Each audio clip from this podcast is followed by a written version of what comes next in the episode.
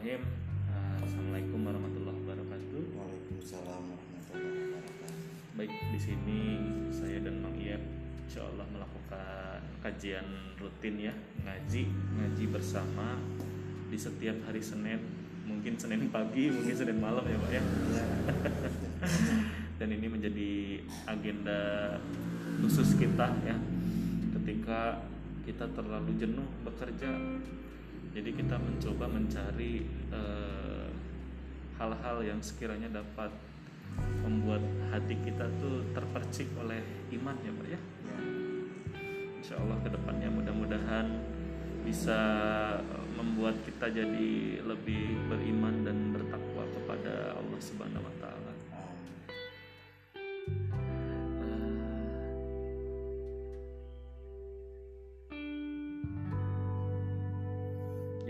Hari ini eh, materinya tentang kesabaran dan lapang dada. Dan dalam menghadapi berbagai masalah ya. Dan ini dijelaskan dalam sebuah cerita Pak. Nah, Nah ini mohon izin Rian mau membacakan sebuah cerita ya. Judulnya adalah Garam dan Telaga. Suatu ketika hiduplah seorang tua yang bijak. Pada suatu pagi datanglah seorang anak muda yang sedang dirundung banyak masalah. Jadi ini mah kayak saya datang ke Mang Iyep. Langkahnya gontai dan air muka yang ruwet ya. Jadi si pemuda itu datang dengan eh, langkah yang ya. eh, lagi lemes lesu lah. Tamu itu memang tampak seperti orang yang tidak bahagia. Tanpa membuang waktu, orang itu menceritakan semua masalahnya kepada si bapak tua. Pak tua yang bijak hanya mendengarkan dengan sesama. Ia lalu mengambil segenggam garam dan meminta tamunya untuk mengambil segelas air. Ditaburkannya garam itu ke dalam gelas, lalu diaduk perlahan. Kata si bapak tua kepada si pemuda, "Coba minum ini." Dan bagaimana rasanya? ujar pak tua. Si anak muda menjawab, "Asin, asin banget." Jawab si anak pemuda itu sambil meludah ke samping. Bapak tua itu sedikit tersenyum. Ia lalu mengajak tamunya ini untuk berjalan ke tepi telaga di dalam hutan dekat dengan tempat tinggalnya. Kedua orang itu berjalan berdampingan dan akhirnya sampailah mereka di tepi telaga yang tenang itu. Pak tua itu lalu kembali menaburkan segenggam garam. Jadi dia juga bawa garam yang tadi udah ditabur ke gelas dan dicoba ya sama si pemuda itu dan ternyata pahit. Lalu dia lempar lagi ke telaga. Nah, kali ini mah ke telaga. Eh, lalu meminta ke si pemuda itu untuk meminum air telaga itu. Coba ambil air telaga ini dan minumlah. Lalu apa yang dikatakan oleh si pemuda ini segar, kata si pemudanya. Apakah kamu merasakan garam dalam air itu? Tidak. Dengan bijak Pak Tua menepuk-nepuk pundak si anak ya, lalu mengajaknya duduk berhadapan bersimpuh di samping telaga itu dan dan menceritakan sesuatu terhadap si pemuda itu. Anak muda, dengarlah. Pahitnya kehidupan adalah layaknya segenggam garam tak lebih dan tak kurang. Jumlah dan rasa asin itu adalah sama dan memang akan tetap sama. Nah, jadi maksudnya gimana? Yang namanya masalah itu ya seperti itu rasanya gitu. Mungkin lebih, mungkin kurang gitu. Tapi ke kepahitan yang kita rasakan akan sangat tergantung dari wadah yang kita miliki. Nah, gitu ya. Kepahitan itu akan didasarkan dari perasaan tempat kita meletakkan segalanya. Maksudnya gimana? Kalau misalkan kita ada omongan gak enak ya, ya. kalau kita meresponnya dengan wadah gelas yang kecil itu pasti terasa sakit banget. Segala kerasa segala ini ya pak. Iya. bayang segala Betul. masalah nambah nambah lagi. Tapi kalau kita meletakkan masalah itu dengan ah mungkin dia lagi hilang wadahnya kan lebih besar ya. Iya. Otomatis kita juga nggak akan mikirin masalah itu. Itu di situ. Nah itu semua tergantung pada hati kita.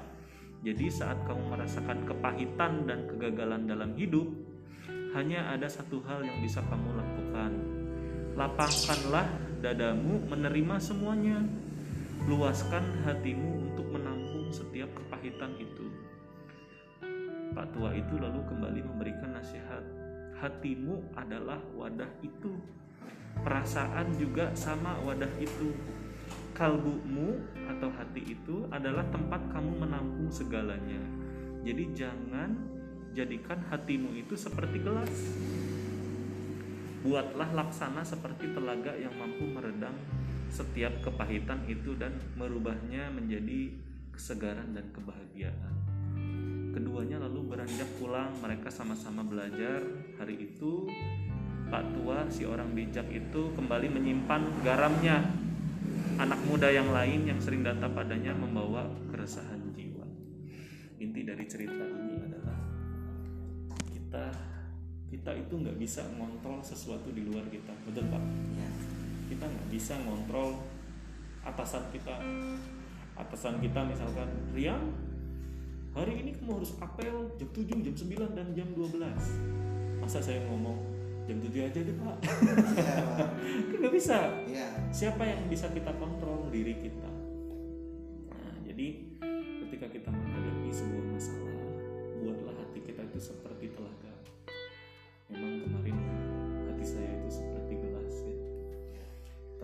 terasa sekali eh, bebannya padahal eh, kun fayakun ya, sungguh mudah bagi Allah. Jadi Allah tuh bil- bilang sungguh mudah bagiku sungguh mudah bagiku sungguh mudah bagiku.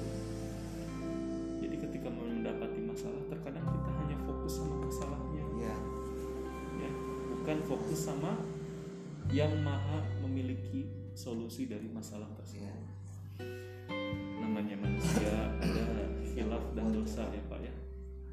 Eh, hilafnya kalau kita nggak pernah ngaji itu di situ. Makanya mungkin saya juga kemarin muhasabah ya mungkin saya teh nggak melakukan ngaji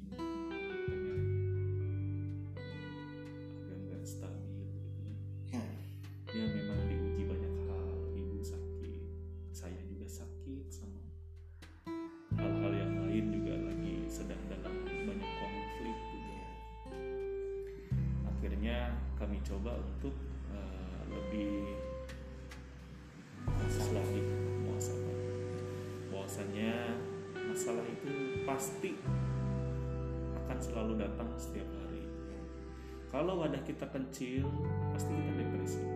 Iya. Ya kan? Masalahnya kecil satu misalkan eh, tentang misalkan percintaan gitu. Karena kita belum tentu cinta itu beneran sesuai prediksi kita atau enggak. Tapi kalau hati kita sempit stres itu dipikirin gitu. Iya banyak takutnya banyak takutnya. Tapi kalau misalkan ternyata hati kita seluas telaga tadi ya ya udah. Biarkan saja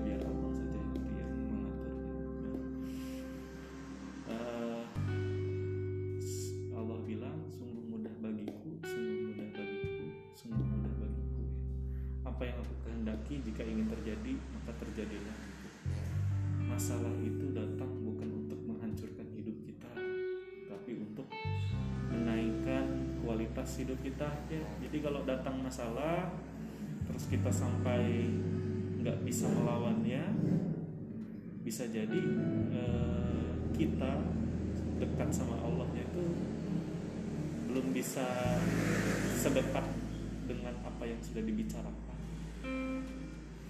Jadi pasrahkan segala masalahnya. Insya Allah akan selalu ada jalannya. Kalau ada masalah maka fokusnya adalah meminta solusi kepada yang maha memiliki kembali ke innalillahi sama la hawla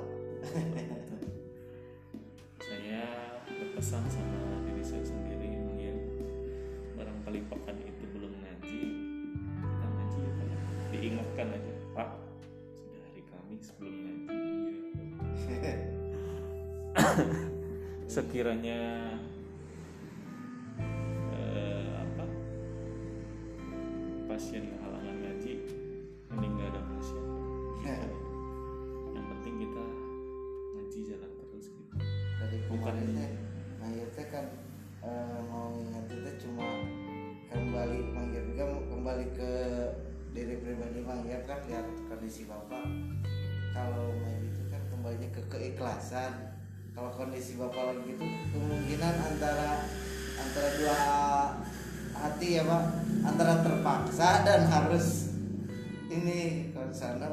kondisi juga kalau lagi tenang kan enak gitu ikhlasnya keluar menghadapnya gitu. Kalau lagi gonjang itu kan kadang hanya kerasa sama Mang Igep dulu ya waktu ngaji gitu. Ada ini mah malu kalau nggak ngaji udah malu udah biasa gini. Jadi ya malunya ke manusia jadi nanti pak. Karena udah janji gitu. Tapi kalau udah kembali bapak yang ininya berarti udah kembali tenang kembali kepada kolbun salim oh ya udah mulai lagi. Aja kan mengingatkan pak ya. Iya hanya mungkin mengingatkan. kalian juga saya ngerti pasti gak enak melihat saya yang lagi ku- Iya. kuku lutus apa ya? Iya lihat. Apa ya apa puntang panting sana Iya. gini. Tapi kalau misalkan senin mungkin saya nggak bisa. Selasa masih belum membeli respon. Rabu masih sama juga kamis nah mungkin di kamis boleh diingat. Pak. tiga hari setelah kelihatan. Oh, nggak ada nih. lihat dari ininya juga kalau kalau agak segar-segar pak. Tapi ingetin Iya, insya Allah. Mudah-mudahan dari cerita tadi mampu membawa ibroh ya Pak ya. Ya buat kita untuk jadi lebih dekat dengan Allah jadi lebih menggantungkan diri bukan sama manusia tapi sama Allah Subhanahu yang itu di sini hanya wasilah jalan solusi-solusi semuanya hadir karena Allah Subhanahu Wa Taala. Menentukan segalanya Hmm, kita hanya berikhtiar betul. Ini ceritanya unik ya? Iya. Nampar banget ke sayanya gitu. Kerasa bahwa wadah yang kita miliki itu sebenarnya hanya seperti gelas itu segala segala kerasa. Sebenarnya Iya. kalau diterimanya dengan segelas itu Seperti gelas. tapi kalau segelas itu gak akan kerasa apa-apa santai aja. segar ya rasanya masalah. Lapang dada itu itu ya pak artinya. Jadi kalau orang Jawa bilang apa pak?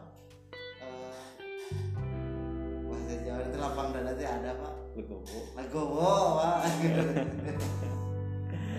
Siapa mah ya Pak, suka masih ingat amanat bapak ibu dulu waktu masih ada kalau punya masalah sama teman sama keluarga misalkan suatu saat berada saling caci maki apa kamu itu harus ingatnya itu bukan kesalahannya. Yang pertama dilihat itu jasanya segimana kebaikannya nya kesalahan yang sekarang jadi masalah segimana jadi imbang timbang. Kalau banyak baiknya kamu yang harus mengalah Ya. dan memaafkan kita yang duluan gitu makanya sampai sekarang ya suka kalau lagi marah ke seseorang tiba-tiba drop. Kasih dia teh pernah ini ke saya. Udah hilang lagi pak. Hmm. cuma itu yang dipesan waktu kecil ya itulah mungkin yang bisa diwariskan orang tua yang paling Ya. berharga tuh ya. Gagasan.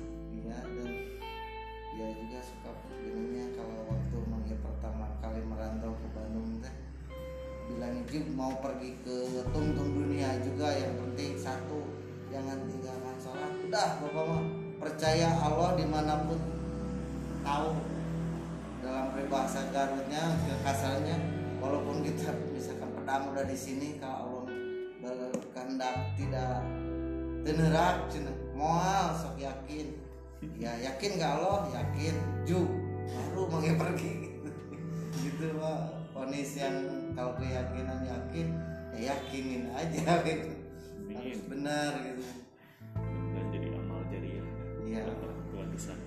Ilmunya tuh kerasa banget ya ya. Pak. makanya kalau ingat ke bapak dulu tuh keras banget tuh. Dulu mer- ngerasa bapak tuh galak-galak tuh pas ngerasa mau ibu udah jadi bapak sekarang bapak nggak ada.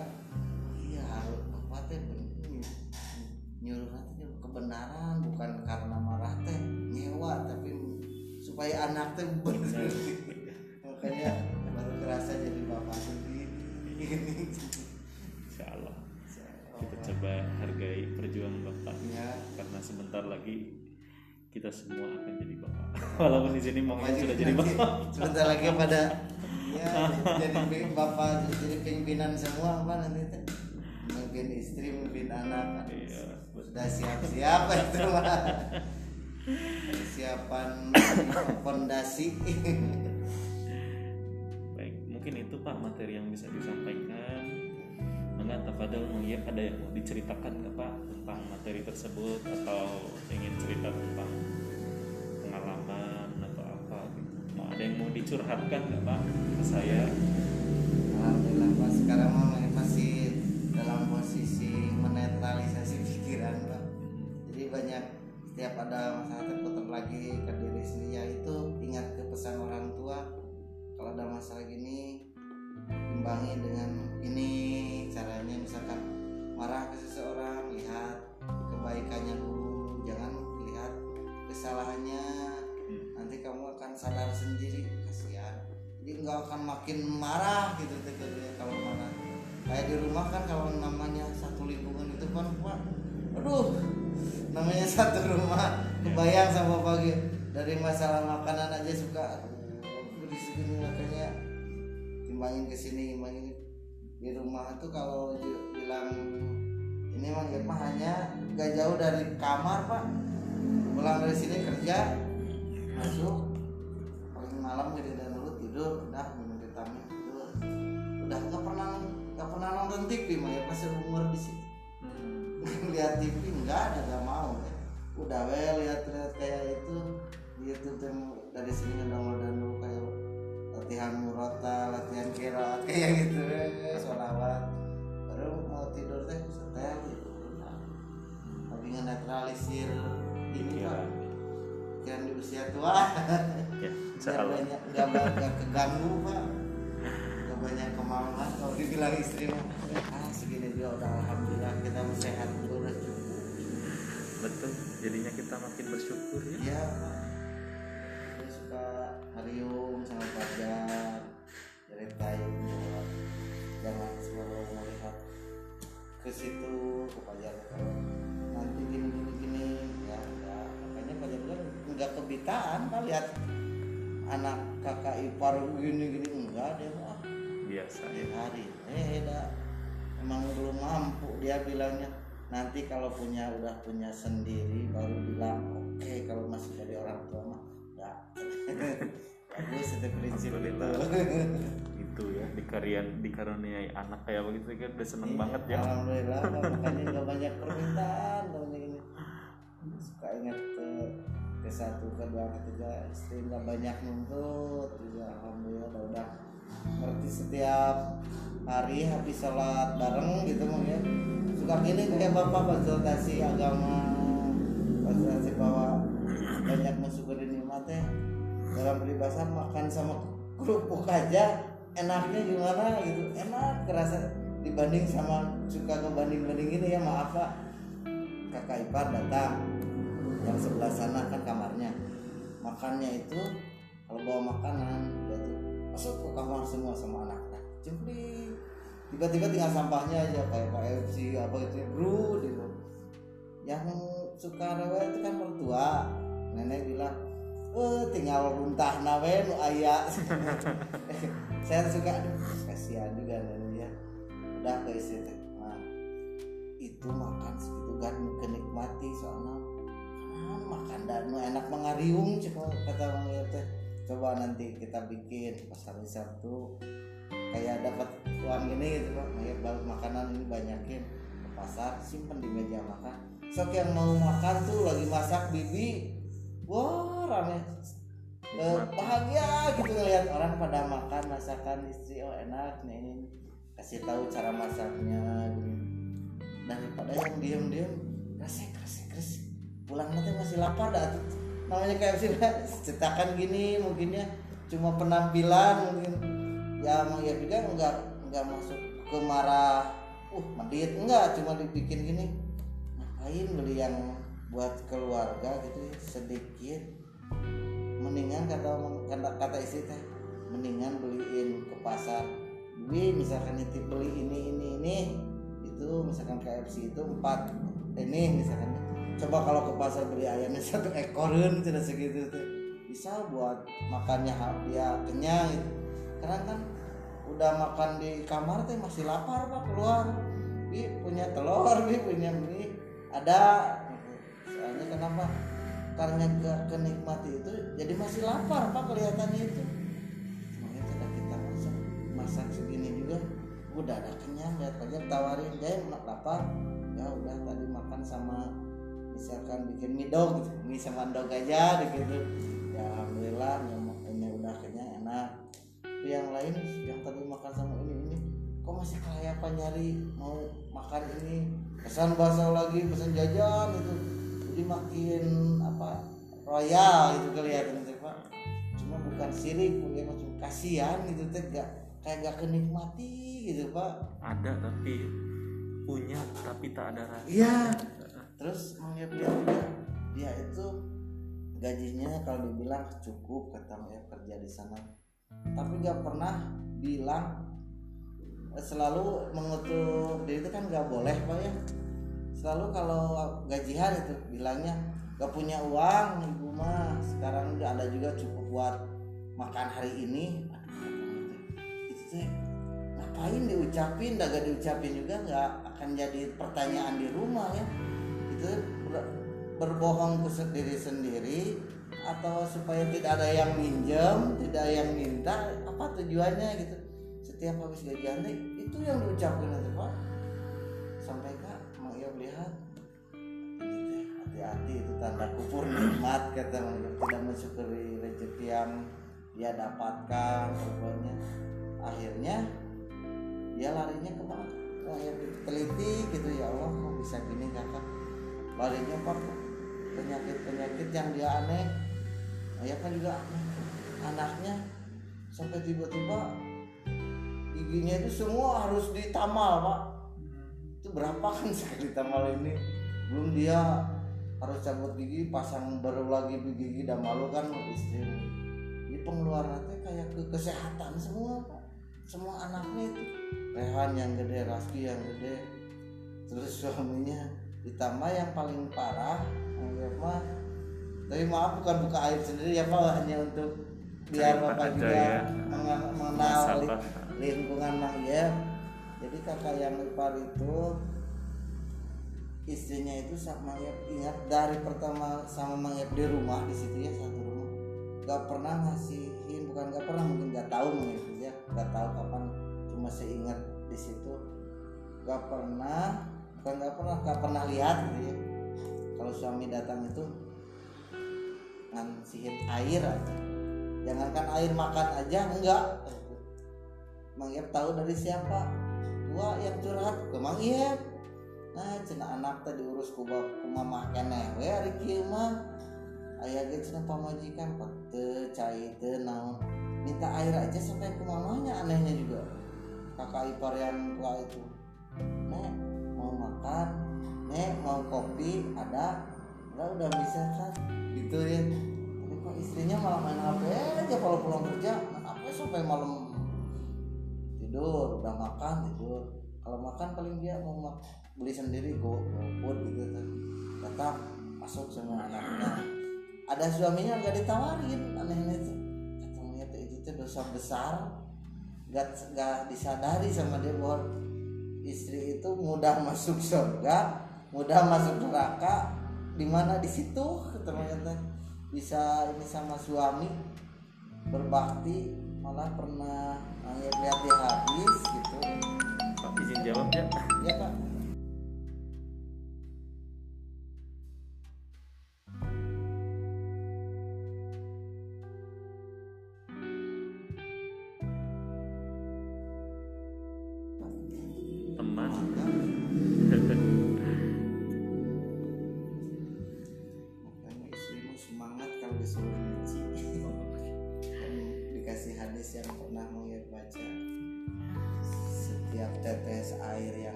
vaksin COVID ya. Eh, dalam vaksin COVID ini dalam Islam dituntut kita itu harus menjaga diri dari penularan wabah. Kenapa? Karena pernah dikatakan bahwasanya barang siapa yang eh, menempati suatu tempat dan di situ ada wabah maka janganlah kamu pergi atau eh, namanya dari per- pergi dari tempat itu karena nanti dia akan membantu proses penyebaran makanya sebenarnya jelas sih eh, infonya seperti itu hanya saja kita ini eh, terdesak dan kurangnya teknologi plus pengetahuan jadinya apa yang mau kita lakukan juga serba kebatas ya Iya. dan kebijakan pemerintah juga mencela-mencela sana sini. Oleh karenanya, kalau misalkan kita melakukan penjagaan diri ini, maka dalam Islam memerintahkan kita harus serius mencegah dan mengobati dari penyakit tersebut. Ikhtiar merupakan cara sunnah Nabi atau nama lainnya ittiba ya. Ikhtiar bukan saja bertentangan dengan tawakal tetapi merupakan syarat syah tawakal itu sendiri. Ini yang bilang adalah Yusuf Al-Qardawi tahun 1996. Islam memerintahkan agar kita menjaga diri dari penyakit menular virus yang mewabah. Rasul bersabda, "Berlarilah dari penderita lepra." Nama lepra itu bahasa Arabnya majdum, mazum. Seperti engkau melarikan diri dari singa. Tuh, Pak, sudah jelas. Jadi kalau kita ketemu sama orang lepra, kita tuh harus melarikan diri. Tapi dokter mah ada kumaha didatangan. Engkau mendengar wabar at-taun sedang melanda suatu tempat, janganlah memasuki tempat itu. Nah, kalau kita mendengar di daerah sana lagi ada itu, jangan masuk ke sana. Kalau kita berada di tempat itu, jangan keluar dari situ ya. Hadis Al-Bukhari. Menurut Qarafi, segala upaya untuk melindungi diri dari hal-hal yang mendatangkan kerusakan hukumnya wajib. Maka disiplin dengan protokol kesehatan, yaitu menjaga jarak, masker, mencuci tangan dan merupakan per- perkara yang wajib. Jadi seumpama kita darurat ingin ke pulang ke Pekalongan karena orang tua sakit yang ada apa-apa. Tapi harus mematuhi protokol kesehatan. Islam memerintahkan agar kita tidak menjadi sebab terjadinya penularan wabah sehingga orang yang berpotensi menularkan wabah harus melakukan isop mandiri. Rasulullah bersabda, "Jika wabah itu sedang melanda suatu tempat dan engkau sedang berada di sana, janganlah engkau keluar darinya." Nah, itu di situ.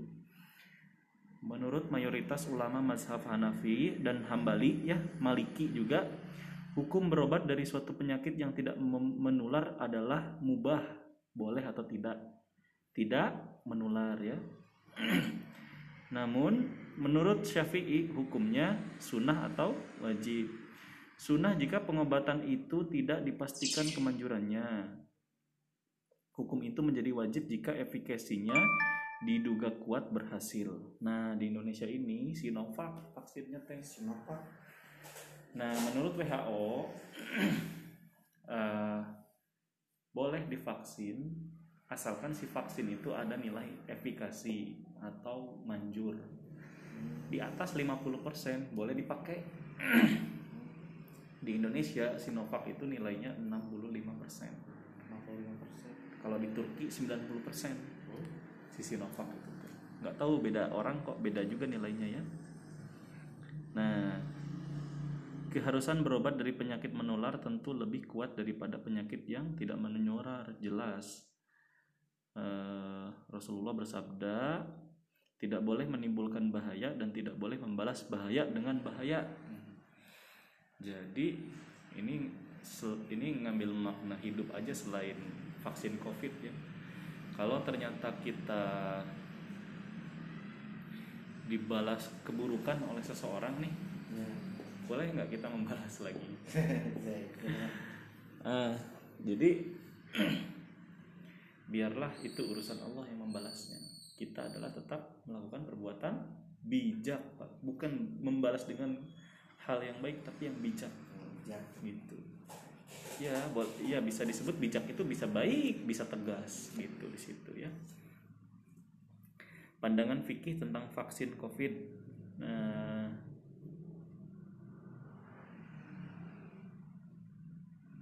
jadi yang namanya vaksin itu pak bapak tahu vaksin influenza nggak flu flu itu 100 tahun baru ketemu oh Nah, sekarang mah kan sudah makin canggih. ini segera secepatnya dapat nih si vaksin COVID ini. Orang yang divaksin, vaksin itu virus sebenarnya, Pak. Hmm. Tapi si virusnya dilemahin disuntikin we ke tubuh kita. Nah, si tubuh kan ngekroyok si COVID-nya. ya Setelah dikeroyok, si tubuh kan jadi jagger. Jadi nanti kalau datang COVID lagi dia udah bisa menangkal oh gitu. Nah, menangkalnya itu katanya lebih kuat 4 sampai 5 kali lipat gitu, si vaksin ini teh. Makanya kalau ada orang yang anti vaksin itu ya. Nggak mau divaksin gara-gara ini. Dia mungkin melakukan tiga kesalahan. Yang pertama dia sering mendengar berita hoax. Oh iya. Berita hoax tuh banyak muncul di WA WA keluarga ya. Ya. karena nyaringnya juga terserah. Yang kedua dia bertanya bukan pada ahlinya. Hmm. atau nanya tentang vaksin ke pengacara kumaha kira-kira cerita ini lain-lain ya Iya. Atau yang ketiga mungkin dia sedang memenangkan keinginannya. Jadi ini mah udah bukan masalah apa ya hal yang bisa bermanfaat buat umat lagi. Tapi dia mah udah egonya terlalu tinggi ya di Iya. situ.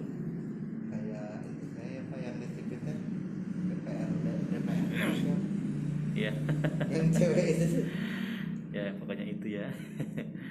nah, jadi kalau kita divaksin harus melalui beberapa tahapan, Pak. Uji klinis, uji klinis itu udah dicobain ke semua orang. Apa yang terjadi gitu ya. Pasti dari 100 orang yang disuntik ada muncul keluhan 10 orang atau 7 orang. Wajar itu. Eh, dan yang paling penting adalah satu harus sudah melewati uji klinis standar dulu di Indonesia. Gimana bagus nggak nih kalau misalkan dibawa ke Indonesia? Bisa disesuaikan nggak dengan orang-orang Indonesia? Jangan sampai divaksin langsung pada drop. drop. Nah itu jelek. kalah yang tubuhnya ya. Ya yang kedua adalah melewati izin BPOM BPOM itu Badan Pengawas Obat dan Makanan ini obat-obatan juga semuanya lewat BPOM yang ketiga eh, sah jika memenuhi lima syarat secara Islam ya. Yang pertama adalah adanya kesucian dan kehalalan vaksin yang digunakan sesuai dengan penilaian MUI satu. Yang kedua, adanya ancaman bahaya yang akan ditimbulkan jika tidak dilakukan vaksin. Yang ketiga adalah ada adanya kemanjuran si efikasi tadi. Efikasi itu kemanjuran artinya apa? Eh, adanya yang keempat, adanya keamanan sehingga tidak menimbulkan bahaya yang lebih besar. Itu. Yang E, tidak adanya kondisi atau penyakit penyerta yang bisa mengakibatkan terjadinya kemudorotan yang lebih besar jika dilakukan vaksin. Nah, yang ini sangkut pautnya dengan materi yang kemarin teh ya, Ya. yang materi kemudorotan. Anjuran penggunaan vaksin ini tidak berlaku jika syarat-syarat yang semua lima tadi tidak terpenuhi. Jadi harus lima-limanya, Pak. harus semua harus masuk ya Oh, oh, kalau tidak bisa masuk yang tadi ya udah jadi nggak bisa divaksin. Diizinkan, ya. Ah. Nah,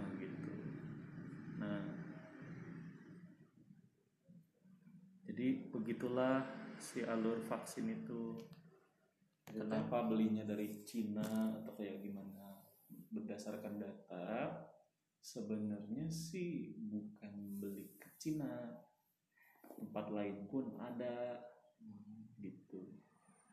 tempat lain pun ada hanya saja masalah begini pak saya punya lekozing sebox Salman punya lekozing sebox bapak butuh tiga box. Kira-kira ordernya ke siapa pak? Saya dulu kan? Ya kalau saya udah nggak ada lagi lekozing bapak beli ke mana? Ke Salman. Ya tapi bapak masih kurang sebox kan? Karena butuhnya tiga box. Dias punya tiga box. Kalau begitu bapak mikirnya mending order ke Dias aja langsung tiga box atau mending order kayak Salman sama dia? Mending sekaligus saja. Mending sekaligus, sekaligus kirim itu difikirkan cost dan efikasinya gitu seperti itu. Nah orang yang divaksin covid itu kalau dia udah pernah covid nggak nggak usah divaksin lagi. Oh yang udah pernah covid. Karena orang yang udah covid dia itu sudah menciptakan kekebalannya sendiri. Tapi bagi yang hidup. Ya kalau yang mati ya sudah. Dan menciptakan alam baru. Ya itu bisa alam baru.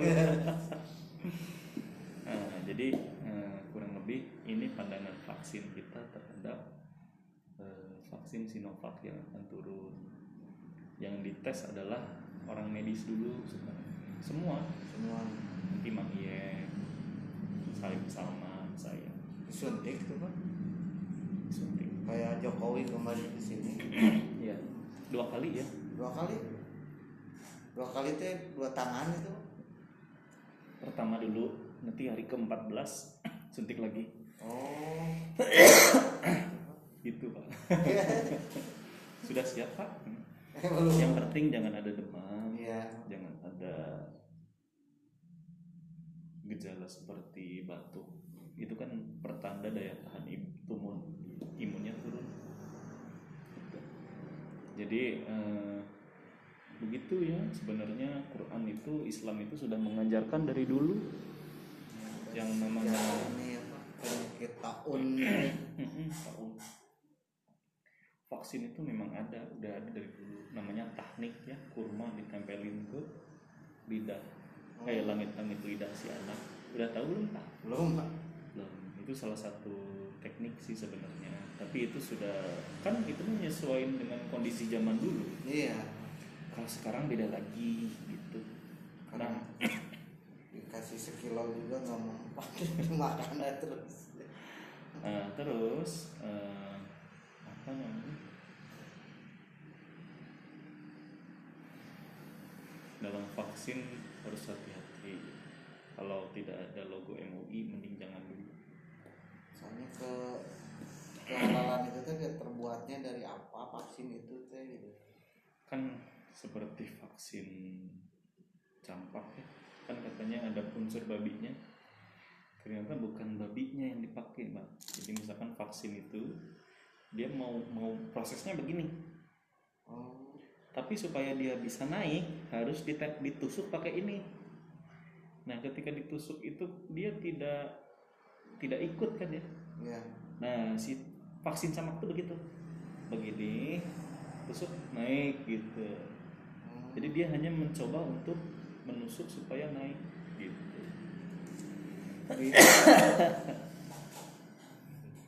Kalau misalkan diikutkan ke sini ini baru harap oh. Gitu. Nah, makanya sekarang insya Allah vaksin di Indonesia itu sudah sudah aman digunakan sama kita. Tidak usah takut lagi. mudah-mudahan apa ya Pak, saya berharap Mang Iyap disuntik, dia suntik, Salman suntik, semuanya disuntik. Karena apa ini resiko pekerjaan. Iya. Uangnya nggak seberapa, risikonya kematian. ya soalnya yang dihadapi itu orang-orang sakit tuh, bukan Orang sakit semua. bukan orang-orang yang kayak di bank duduk nerima uang tapi semuanya loh Pak. orang yang Sekarang. menerima uang juga. Kan dia pas datang nggak nggak nanyain rapid test atau apa? Iya. Malah lebih nggak teliti apa nggak kelihatan Le- sakit lebih orang. nggak teliti kalau di sana. Nggak telitinya gimana? Ya satpam datang. Ke tangan apa ke tangan ya cenah ke tangan itu. Udah males sebenarnya dia tuh Pak. itu kan beberapa cetrekan pak. Cek lagi cetrek lagi baru apakah ininya pak mode ininya? Enggak kok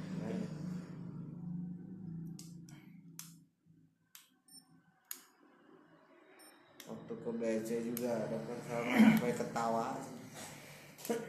Cek di sini 34 udah pak masuk. Itu gak tahu itu cina 34 mah mayit Iya. makanya kasihannya di situ. Nah eh, di sini kita lebih aman. Karena lihat ketutup ini. Jadi sebenarnya yang harus fokus dibersihkan itu mah kalau di bawah mah akan mati enam Iya. ya si virus covid.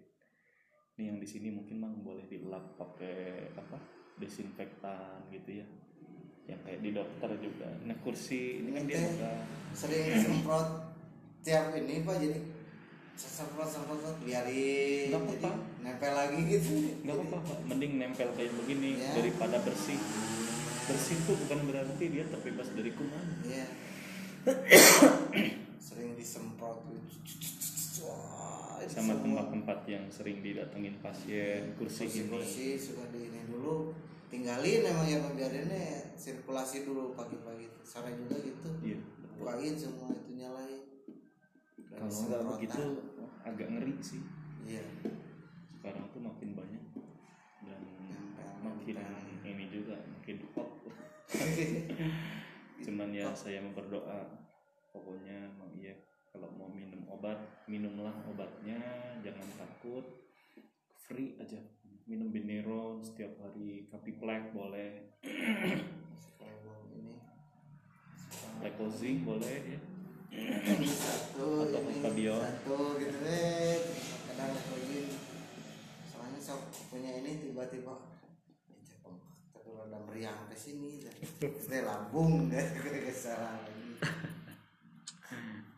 Kalau batu mah, alhamdulillah. Baik Bismillahirrahmanirrahim. Eh, di pertemuan kali ini Liko jam hari tanggal berapa sih ini teh pak? Delapan. Tanggal 8 ya? Tanggal 8 bulan Februari. Insya Allah kita akan bahas materi tentang 10 fenomena gejala futur. Nah, futur. Apa itu futur? Futur merupakan suatu keadaan di mana iman kita semakin turun. Gitu. Pernah nggak ngalami iman lagi turun gitu? Segalanya penuh. Sering. Mengikuti maksiat yang adalah hawa nafsu itu diikutin gitu di situ. Itu bukan sering sekarang pernah bukan sering ya. Sering mengalami. Ketika pikiran lagi ini suka yang datangnya itu yang aneh-aneh aja pikiran mau gini harus gini. Tapi kalau sampai melakukan enggak cuma pikiran yang cuman pikiran muncul terus Iya, ya. berarti hati itu gak ada ketenangan kok beberapa hari kadang susah tidur sampai gelisah gak karuan gitu ingat Betul. gak ada ketenangan. Jadi eh, futur itu pasti ya hinggap di dalam diri-diri manusia. Boleh apakah futur dibolehkan? Boleh tapi grafiknya harus begini pak. Iman naik futurnya sedikit. Iman naik futurnya sedikit.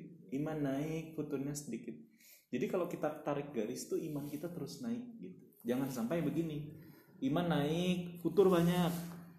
Iman naik futurnya lebih banyak. Iman naik futurnya lebih banyak. Jadi kalau ditarik garis ke bawah makanya Nabi Wasallam eh, mengatakan ikutilah eh, ibadah setelah kemaksiatanmu.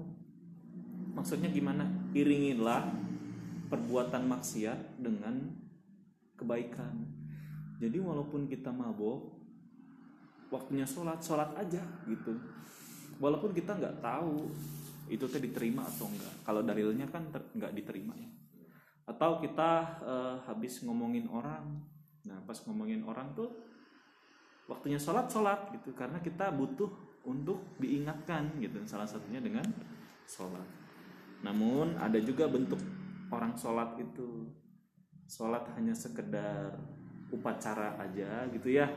Beban yang harus dituntaskan. Itu salah mindset orang berpikir cara kayak gitu ya pak. Jadi kalau sholat itu bukan jadi beban sebenarnya tapi waktu di mana kita meminta ya Allah saya teh sekarang dapat masalah kayak begini. Tolong ya Allah di balik sujud ini beri hamba petunjuk gitu. Nah jadi jika selama ini kita punya mindset sholat itu untuk kayak upacara gitu beban pak. Aduh duhur itu jam berapa sih? Kok nggak beres-beres? Aku tuh mau sholat duhur. Habis sholat udah kayak gitu kayak tenang itu salah sebenarnya pak justru kita semakin lama sholat itu justru membuat kita seharusnya semakin lebih tenang gitu di situ jadi katakan sesungguhnya setiap amal ada saat semangatnya dan setiap saat semangat ada saat futurnya itu di situ. Nah, jadi apa sih fenomena dan gejala futur itu? Yang pertama, bermalas-malasan dalam melakukan ibadah dan ketaatan itu di situ. Jadi kalau misalkan hati kita sudah mulai ngerasa nggak enak gitu ya, mau ibadah teh kayak ada yang ngelawan gitu, lawan paksain kayak begitu. Atau kalau udah keingetan dengan momentum kayak begitu, inget obrolan hari ini pak ya. Aduh dulu teh saya pernah ngaji ya barengan, cuman duaan ngajinya juga. Tapi inget banget materi itu teh. Ini kan yang bilang sebenarnya bukan Rian, tapi yang bilang adalah Al-Quran dan Sunnah gitu.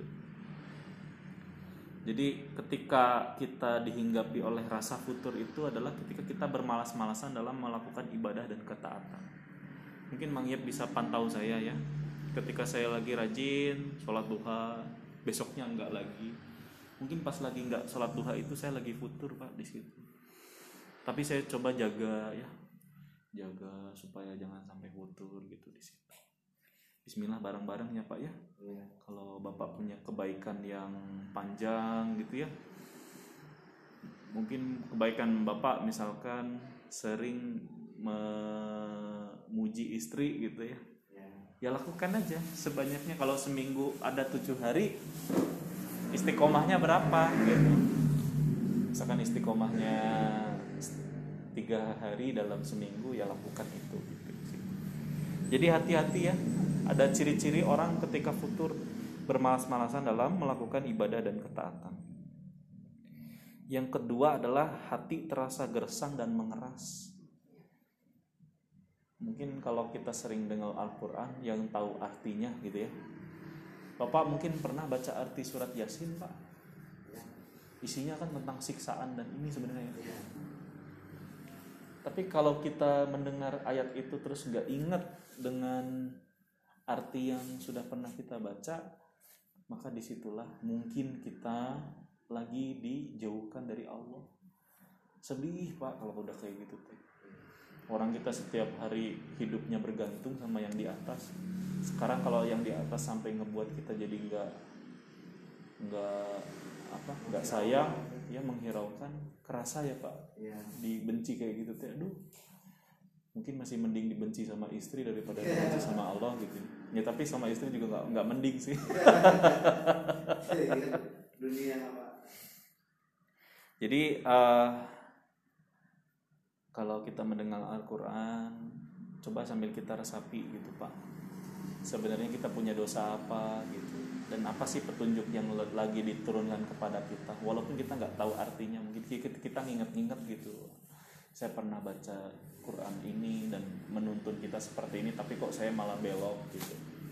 Nah mungkin itu yang bisa apa menjadi bahan evaluasi diri. Yang ketiga melakukan perbuatan dosa dan maksiat. Jadi kayak kayak biasa aja ngelakuin maksiat sama dosa tuh. Kalau kita sering ngomongin orang kayak biasa gitu pak hawanya tuh atau enggak kita sering jahilin orang gitu ya. jahilin orangnya dalam bentuk diceburkan ke, ke kali terus kita nggak merasa dosa gitu nah itu mungkin ciri-ciri futur sudah mulai hinggap Yang keempat, tidak bertanggung jawab serta meremehkan dan menyepelekan amanah yang dideban, yang dibebankan di pundaknya. Gitu. Asal mulanya karena menyepelekan dan akhirnya jadi tidak bertanggung jawab. Banyak ya kejadiannya sekarang itu. Pak, kalau di luar sana saya lihat suami-suami itu masya Allah istrinya dibiarkan, Pak. Dibiarkan tuh dalam arti begini, suaminya kerja, dengan penghasilan yang lumayan tapi uangnya malah dipakai judi akhirnya istrinya diterlantarkan itu banyak banget itu. Kan judi itu enak awalnya doang. Ya. oke kita pending dulu. Bulia datang ternyata. Oke pak. Iya masih di sini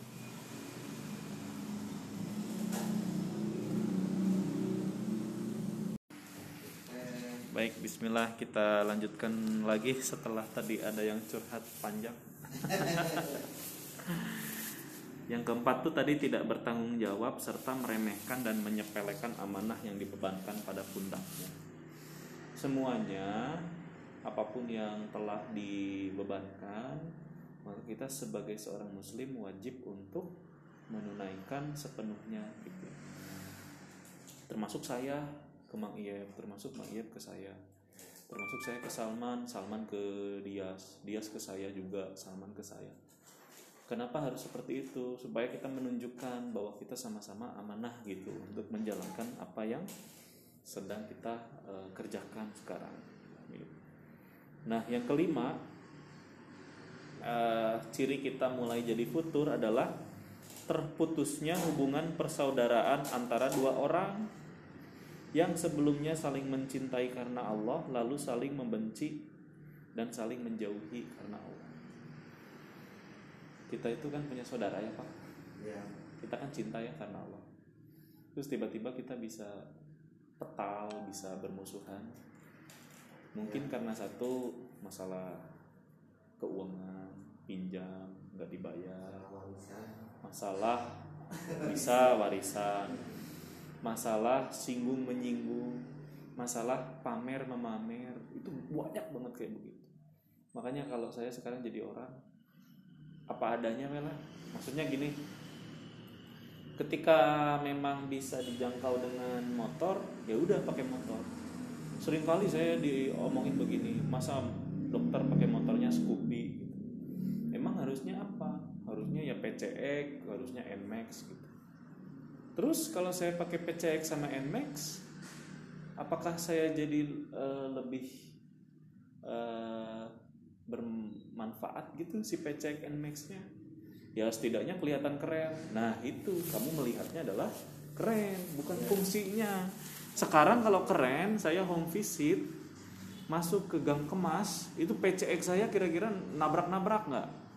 Nabrak mal cukup jadi saya lebih tahu apa yang ada uh, yang saya butuhkan bukan yang kamu inginkan gitu. Nah makanya di sinilah ujian itu di di dicoba pada kita.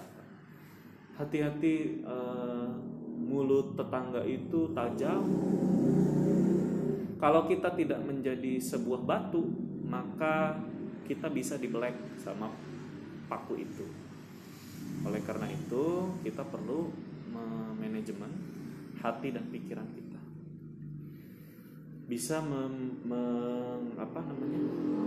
mempengaruhi istri kita, mempengaruhi anak kita supaya jangan mendengarkan yang gitu-gitulah dari orang luar. Orang luar tuh nggak tahu dalaman kita kayak apa pak. Yang mereka lihat hanya, oh bahagia ya keluarga mereka. Gitu. Lihat tuh dokter Ian dengan uh, namanya? Masih jomblo gini gini gini ya. uangnya banyak gitu kan. Kalau kalau dia cobain nikah aja sama si sebulan kenapa ya dokterin nggak pernah pulang? Tah eta e, gitu kan. Kerasa kan lu gitu. Orang lain tuh cuman cuman ngelihat kita luarnya doang. Yeah. wah kayaknya bahagia jadi dokter ya duitnya banyak. Wah apa ya amin sih amin. Saya ngedoanya kayak gitu. Cuman kan sekarang tahapnya saya merangkak gitu ya dari bayi gitu. Pernah ngerasain gitu bang? Ya. Kadang sampai ke kalau Islam ya pun gini itu dari keluarga di Sarawaknya itu melihatnya orang ngetes selalu punya uang terus selalu kelihatannya senang kerja senang terus uang ada terus padahal kalau dibilang itu ya kata apa apa adanya emang ya ya alhamdulillah makanya juga kalau jawaban keluarga yang minta tolong itu teh, kalau nggak ada dibilangin nggak ada. Kalau ada ada segini misalkan cuma mau dipakai ini. Kalau butuhnya sekarang ya sok tapi bisa nggak buat nanti eh, digilir paling juga bisanya gitu. Soalnya kemampuan cuma segini cuma gitu aja. Yang bisanya setuju. Pak. terkadang orang tuh ya itu ya melihat dari luarnya saja. Iya. Sebenarnya kita itu terlihat bahagia karena kita bersyukur. Iya. Mereka tidak berbahagia karena dia tidak bisa menjalani ilmu syukur dalam hidupnya mereka gitu. Maka oleh daripada itu Mang Ye, Rian mau menitipkan lagi supaya kita lebih kompak ya. Iya mensyukuri nikmat. Saya nggak pulang tiga hari itu nikmat gitu pak. Walaupun liar gitu ya. Saya kadang suka kepikiran gimana ya kalau saya jadi pengangguran gitu. Rasanya pasti lebih perih daripada itu pak. Nah itu. Melihatnya lagi ke bawah lagi melihatnya suka melihatnya. Ke Saya- bawah saya- lebih nah, yang itu. dari bawah dari cari makan aja orang itu. Ya maaf belum bisa pakai bersih juga pulang udah makan udah siap. Gak ada masalah dalam rumah tadi itu udah tenang iya gitu pak. benar mang ya. Setuju Mang. Bismillah ya mang ya ke depan ya. Kita harus kuat dengan cobaan-cobaan sekitar kita. Yang keenam sibuk dengan urusan dunia sehingga melalaikan ibadah tolabul ilmi dan dakwah. Nah ini mang poin yang penting Bang. sibuk dengan urusan dunia sampai melalaikan ibadah. Nanti mah gini mang. Kalau sudah mulai masuk waktu maghrib waktunya sholat kita sholat dulu gitu ya. Kan baik pasien mah diam di situ. Walaupun kita tahu pasien itu mendatangkan uang percaya sholat maghrib akan mendatangkan seribu kali lipat daripada pasien itu. Tapi apakah si pasiennya kita tolak? Enggak kita persilahkan aja masuk. Nunggu di dalam kita sholat. Gitu ya emang ya? Ke depan mah ya pokoknya eh, kalau dokternya muslim anjurkan untuk sholat. Atau enggak Mang Iyap yang mengimami dok kita sholat dulu. Nanti setelah ini "Ah, nanti aja. Oh ya sudah saya aja sendiri dulu. Gitu. Supaya mereka juga tertampar dengan hadirnya kita di sini. Gitu. Nggak boleh orang lain mewarnai kita. Harus kita yang mewarnai orang lain. Kalau orang lain datang ke sini membuat kita menunda-nunda sholat sekarang saatnya kita yang membuat mereka jadi eh, sholat pada eh, waktunya ya. Di situ. Soalnya kalau sholat tepat waktu sulit mah sholat pada waktunya itu udah azan kita sholat. Nah sekarang kalau kita lagi BAB puntennya lagi pulas banget. Udah adzan masa kita mau hentikan BAB-nya dulu? Kan nggak bisa kan ya Iya. harus kita beresin dulu BAB-nya udah BAB ternyata kita lapar boleh makan dulu habis makan baru sholat gitu. karena kalau kita lagi sholat keingetan makan jelek jadi sholatnya Iya. tolabul ilmi nah ini pak agenda senin ini nggak boleh hilang harus ada terus someday mungkin kalau saya wallahu ya Allah memanggil saya duluan atau mungkin manggil duluan pokoknya adain aja gitu. Iya. walaupun itu cuma ngebahas saya punya satu hadis. Nah dari hadis ini dibilang kayak begini. Eh, ya Iya, gitu, jadinya nanti kita ke depan tuh oh ini kan bukan kata saya tapi kata Allah gitu yang kita pelajari bersama. Banyak sekali banyak. Langsung hilang lagi. Tuh setuju. Istiqomah tuh biar sedikit seayat dua ayat itu yang disukai oleh itu? Di situ sih pak. Yang ketujuh, banyak bicara, sedikit bekerja untuk maslahat dakwah. Jadi maksudnya begini Pak, orang tuh kadang sekarang zaman sekarang suka berlindung di balik hadis. Jadi dia tuh begini, Eh, apa namanya? Misalkan contoh mau sholat asar gitu ya, pas sholat asar itu eh, ada hadis di mana kita harus mengutamakan satu hal.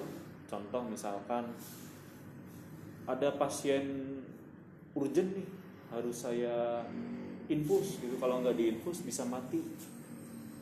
Pas gitu ternyata eh, rekan saya nggak bisa ikut ke situ.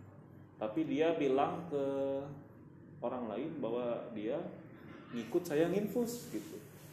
Supaya dia bisa tenang di rumahnya bisa ini. Nah ada tuh modus-modus membohong kayak begitu. Tapi dia membawa hadis ke teman-temannya bahwasanya tadi maaf saya lagi urgent mau nginfus dulu gitu. Kan menurut hadis kalau kita menolong satu nyawa seperti menolong seluruh nyawa umat manusia ada yang berlindung di balik hadis kayak begitu nah kita jangan sampai seperti itu ya saling mengingatkan aja ke depan. Yang kedelapan berlebih-lebihan dalam urusan makan. Berlebihan urusan makan teh yaitu Pak kita eh, udah kenyang beli makan lagi. Padahal bisa aja sih makanan itu kita sedekahkan gitu ke orang yang membutuhkan. Berlebihan dalam minum, jadi pas lagi minum ya kayak yang manggil ceritain itu sampai Ya. dibawa ke kamar gitu ya sampai terus nggak diminum akhirnya dibuang ke sampah kan buat apa gitu dikasihkan eh, nggak nggak dikasihkan tapi disimpan takut dianya nggak punya mau lagi nanti jadi nanti hasil mulai hilang. Berleb- dan yang selanjutnya adalah berlebih-lebihan dalam kendaraan. Tapi saya aja punya Scoopy ini bersyukur banget ini motor kayaknya kalau jadi orang tuh udah nangis.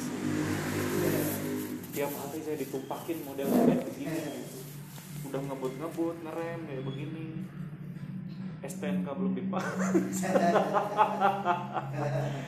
tapi saya bersyukur eh, dia udah nyebur berapa kali gitu ya. Mang Iya juga ditemenin spesi. Ini spesi ini dulu kan dipakai buat kacang sampai 2 kintal pak. 200 kilo setiap hari. Tapi alhamdulillah sekarang bermanfaat gitu di Mang Iya kalau ini tidak dirawat sama Mang Iya. Waduh. Mungkin olinya udah jadi kedelai hitam apa gimana? Gitu wallahu ya. Nah itu Pak hati-hati ciri-ciri futur berlebih-lebihan dalam makanan, minuman, dan kendaraan. Saya juga ngingetin diri saya ya jangan sampai, duh kayak begitu lagi. Omongan tetangga tuh pedas, serius pedas, bikin emosi. Nah, dia itu cuma bisanya ngomongin Ngomong eh, kayak tadi kan bilang banyak bicara sedikit bekerja. Nah itu orang-orang yang menjerumuskan kita ke jalan setan yang mampu membuat kita jadi futur. Yang kesembilan, padamnya api cemburu, melemahnya bara iman dan tidak adanya kemarahan saat aturan Allah dilanggar. Misalkan contoh kalau kita hilang barang, mending kita tanya eh, ustadz ini gitu. Ustadz ini biasanya suka tahu nih eh, barang yang hilang tuh ada di mana. suka ada yang gitu. Banyak pak. dukun. Orang yang tahu ini mah. Dukun bertopeng ustadz. nah. Gampang zaman sekarang pak. Tinggal pakai sorban, tatoan tutupin baju gamis bisa jadi ustadz. kayak yang di TV juga udah ini kan ya pak. Karena banyak kejadian juga Pak nggak boleh ya, nggak boleh kita nanya kenapa dagangan saya nggak laris. Itu sebelah ada yang lagi ngeini. Saya nanya kayak begitu saya sudah sudah bukan kafir, kafir ya namanya ya. syirik pak nggak boleh pak gitu pak Padahal kalau saya bisa kaji itu bisa saya bisa analisis gimana kamu mau laku dagangan kamu datang telat gitu ya. Ngasih kualitas yang jelek. Tempenya nggak enak. Ya pantas orang nggak beli. Aku bilang kayak gitu. Kalau benar-benar disihir tuh tempe enak apa-apa enak. Pas dijual nggak laku ya lihat dulu pangsa pasarnya kenapa dia nggak beli ke dia. Kan harus ada analisis kayak begitu ya pak. Iya. Kayak saya sama Mang Iep kira-kira kenapa ya Pak? Eh, pasien kok nggak pada ke sini oh kurang promosi. Promosi naik kan gitu kan? Nah, di situlah Pak kita harus mengeksplor gitu. Jangan sampai dikit-dikit tanya dukun yang bertopeng ustadz Allah karim masih banyak sekarang kayak gitu. Sampai rela tidur di kuburan terus udah kayak gitu ngambil kain kafannya. Yang hancur gara-gara sirik ya Pak. Rizkinya jadi nggak berkah pak Pertama, pendapatannya banyak kelihatan diperlihatkan itu kan ada yang sirik itu kan pernah dengar pernah lihat ya Pak. tiba-tiba dia kalau macam dari ke mana seperti itu cobain ditanya ayo senang pemberi itu kalau garut ayah senang pokok anu harus eh, syaratnya ini ini ini ini nah, saya beli syaratnya sekian juta kenapa jadi lari dagangannya oh iya bagus sebenarnya biasa gitu. Udah gak gak disingkir. Jarak beberapa bulan dia langsung drop.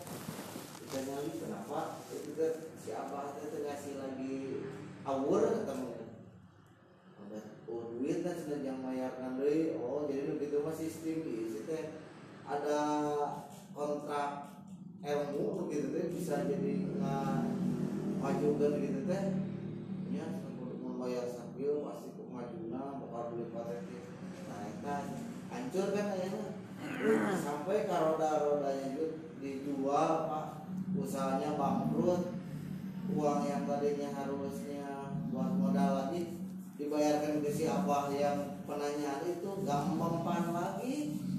Jadinya modal nggak ada. Ini nggak ada sudah yang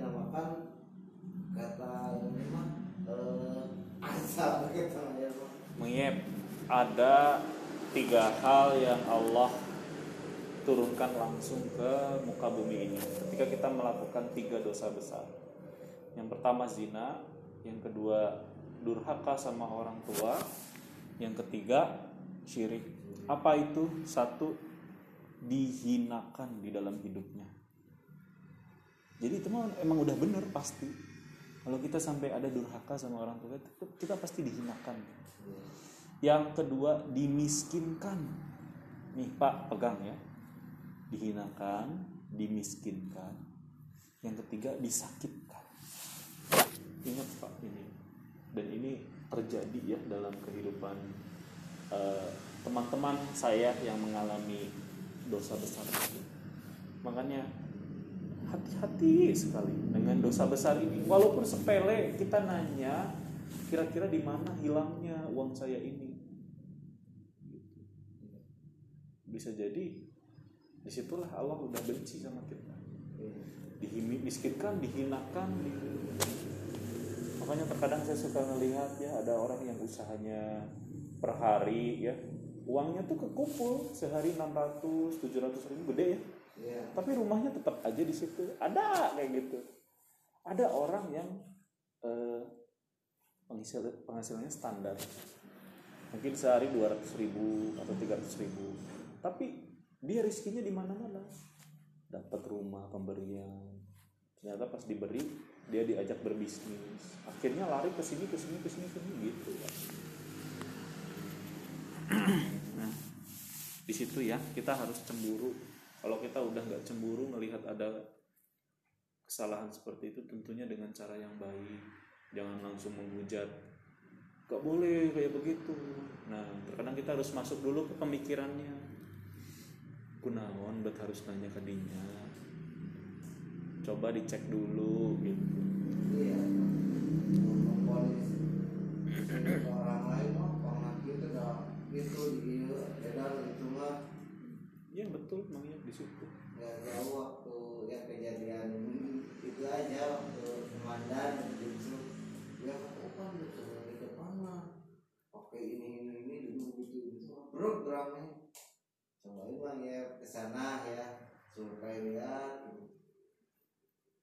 kalau dilihat dari penampilan emang kalau terlalu buat buat jangan kelihatan kalau yang ini udah mau jajan ramai jadi kelihatan tuh bikin orang tuh apa itu? Coba itu. Dari situ coba saya jangan sirik ke lain-lain itu ke karyawan ke pajaran ya coba jahit nanti malam jumat aja ngaji bawain air ke sana berdoa. Coba tiba-tiba rame ya. Oh yang ngatur kan bukannya auran kayak gitu. Dan ini posisinya coba agak diganti biar agak gini. Ya nah, desainnya udah tata lagi kan jadi pernah sampai jam 3 jam 3 pulang saking ramenya itu Pak. nggak nggak berhenti berhenti iya. Betul. Nah di situ kita diuji pak. Sudah rame diuji. Iya. lagi sepi cobaan. Makanya mang kalau klinik ini nggak ada pasien ada pasiennya sehari cuma satu. Ya sudah terima. Iya. Sudah suratan takdir. Bisa aja pasiennya 10 tapi pas pulang covid. Seneng nggak pak? Nah itu pak. Stres pak. Saya jamin.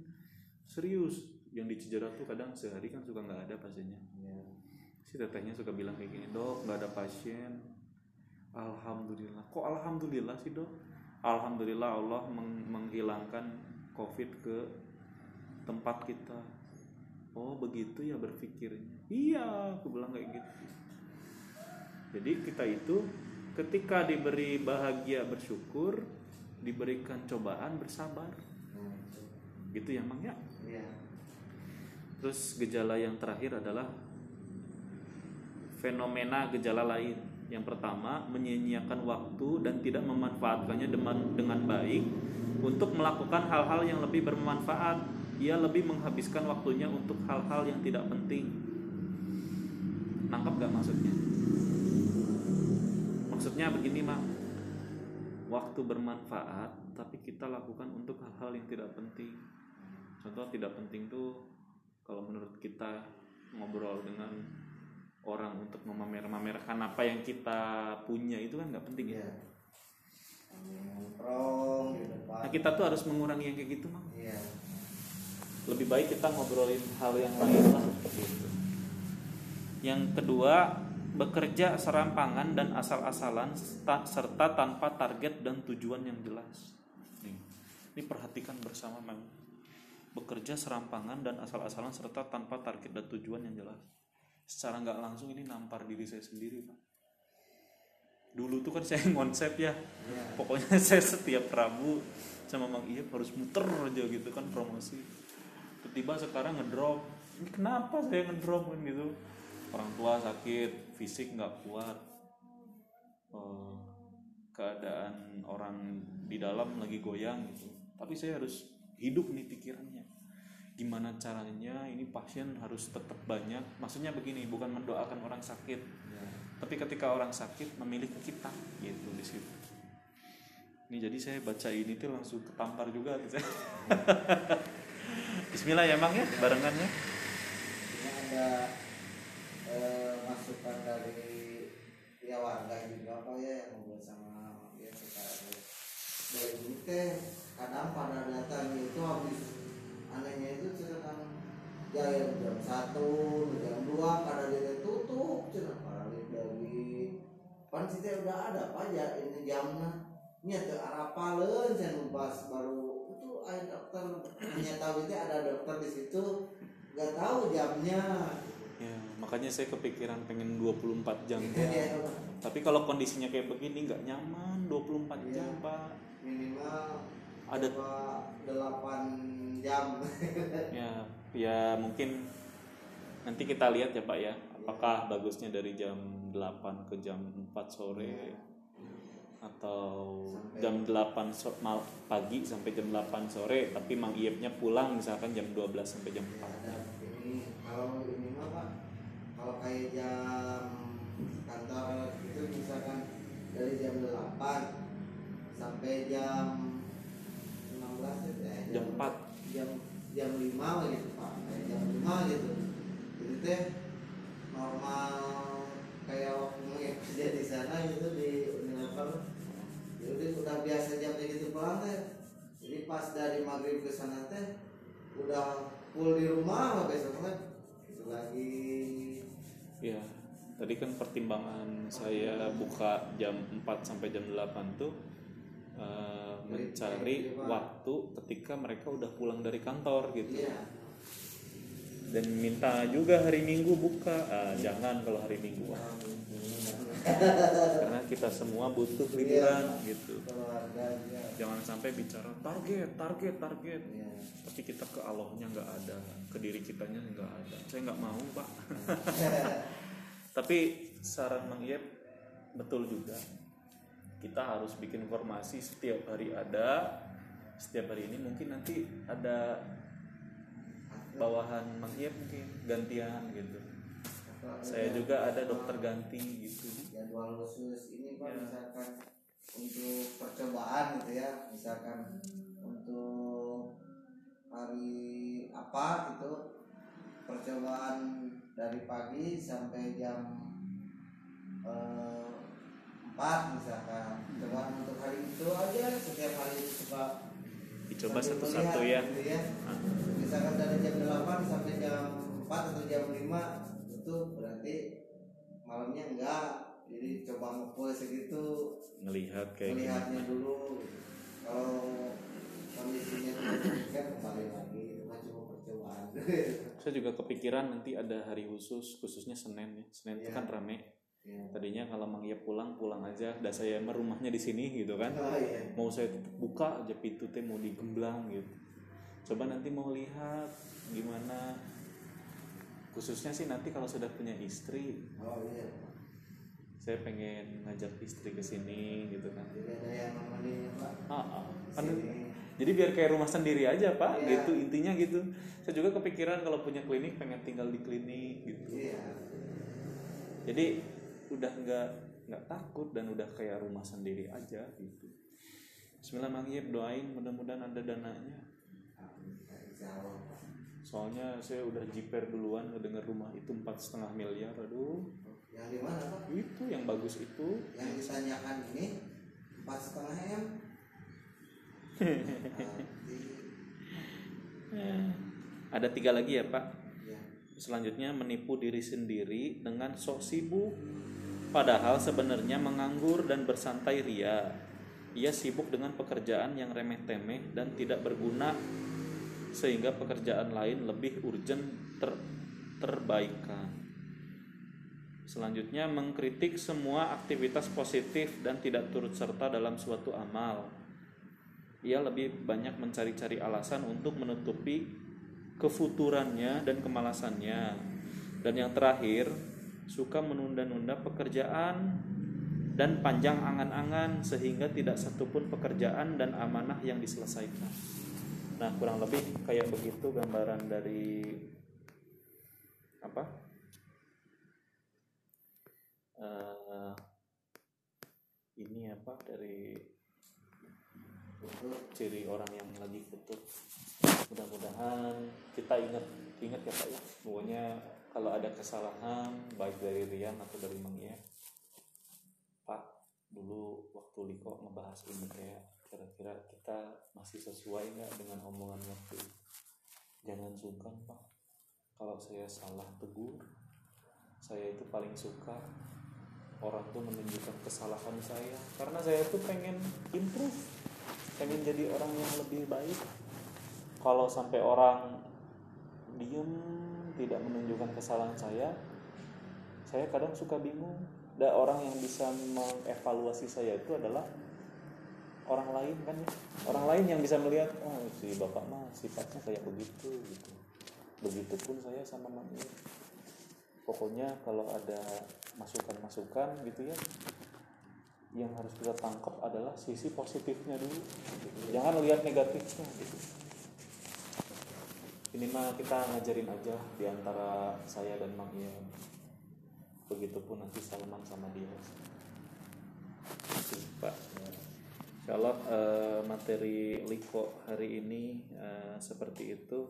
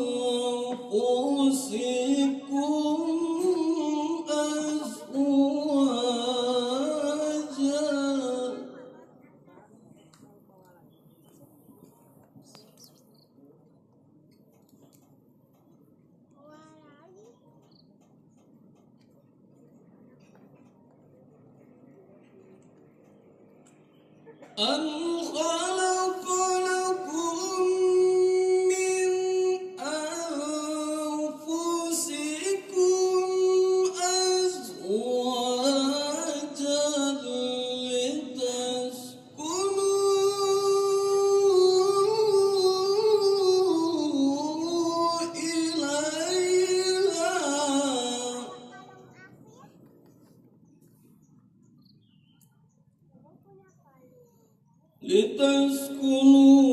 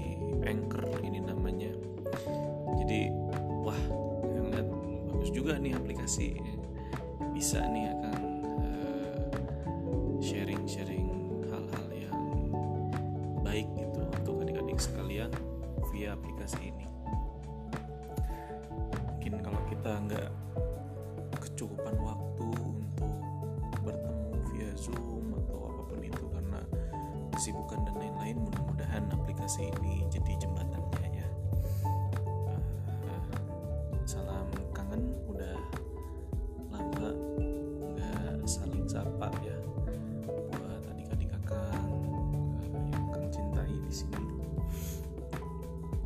Uh, gimana kabarnya? Sehat? Mudah-mudahan sehat walafiat ya.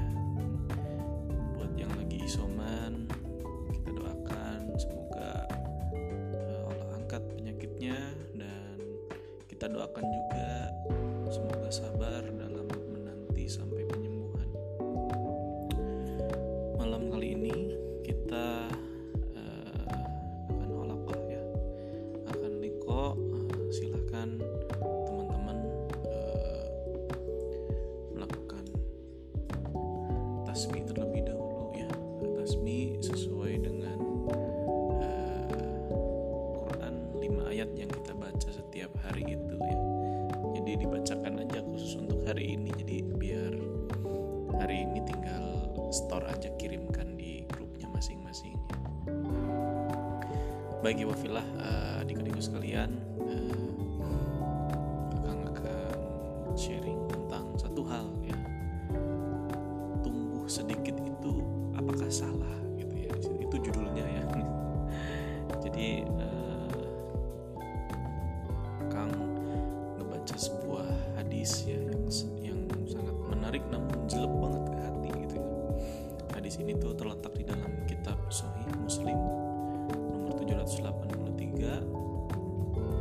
Aisyah radhiyallahu anha beliau mengatakan bahwa eh,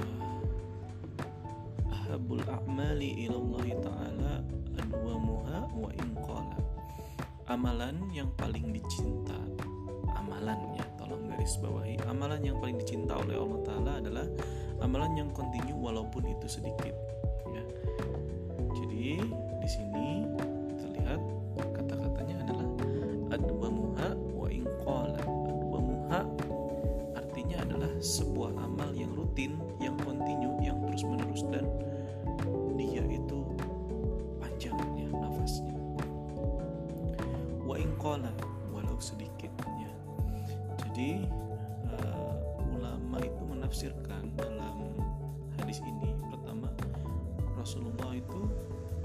mendorong umatnya untuk terus beramal secara rutin dan bukan sesaat-sesaat ya.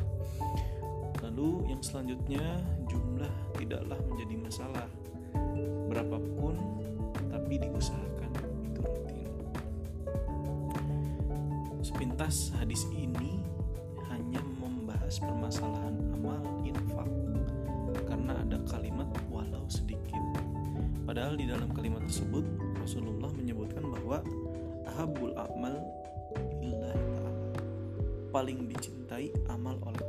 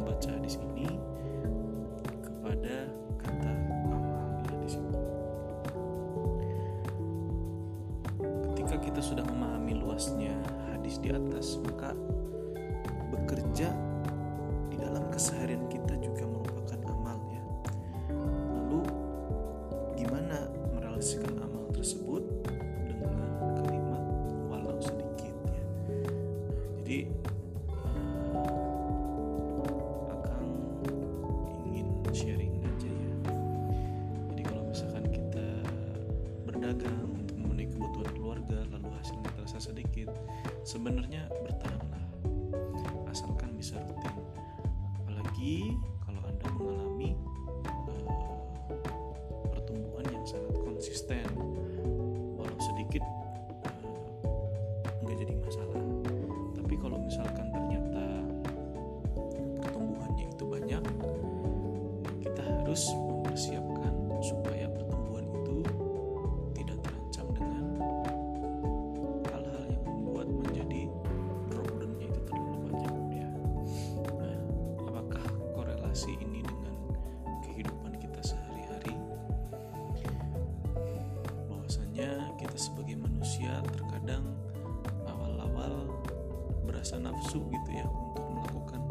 sebuah hal gitu.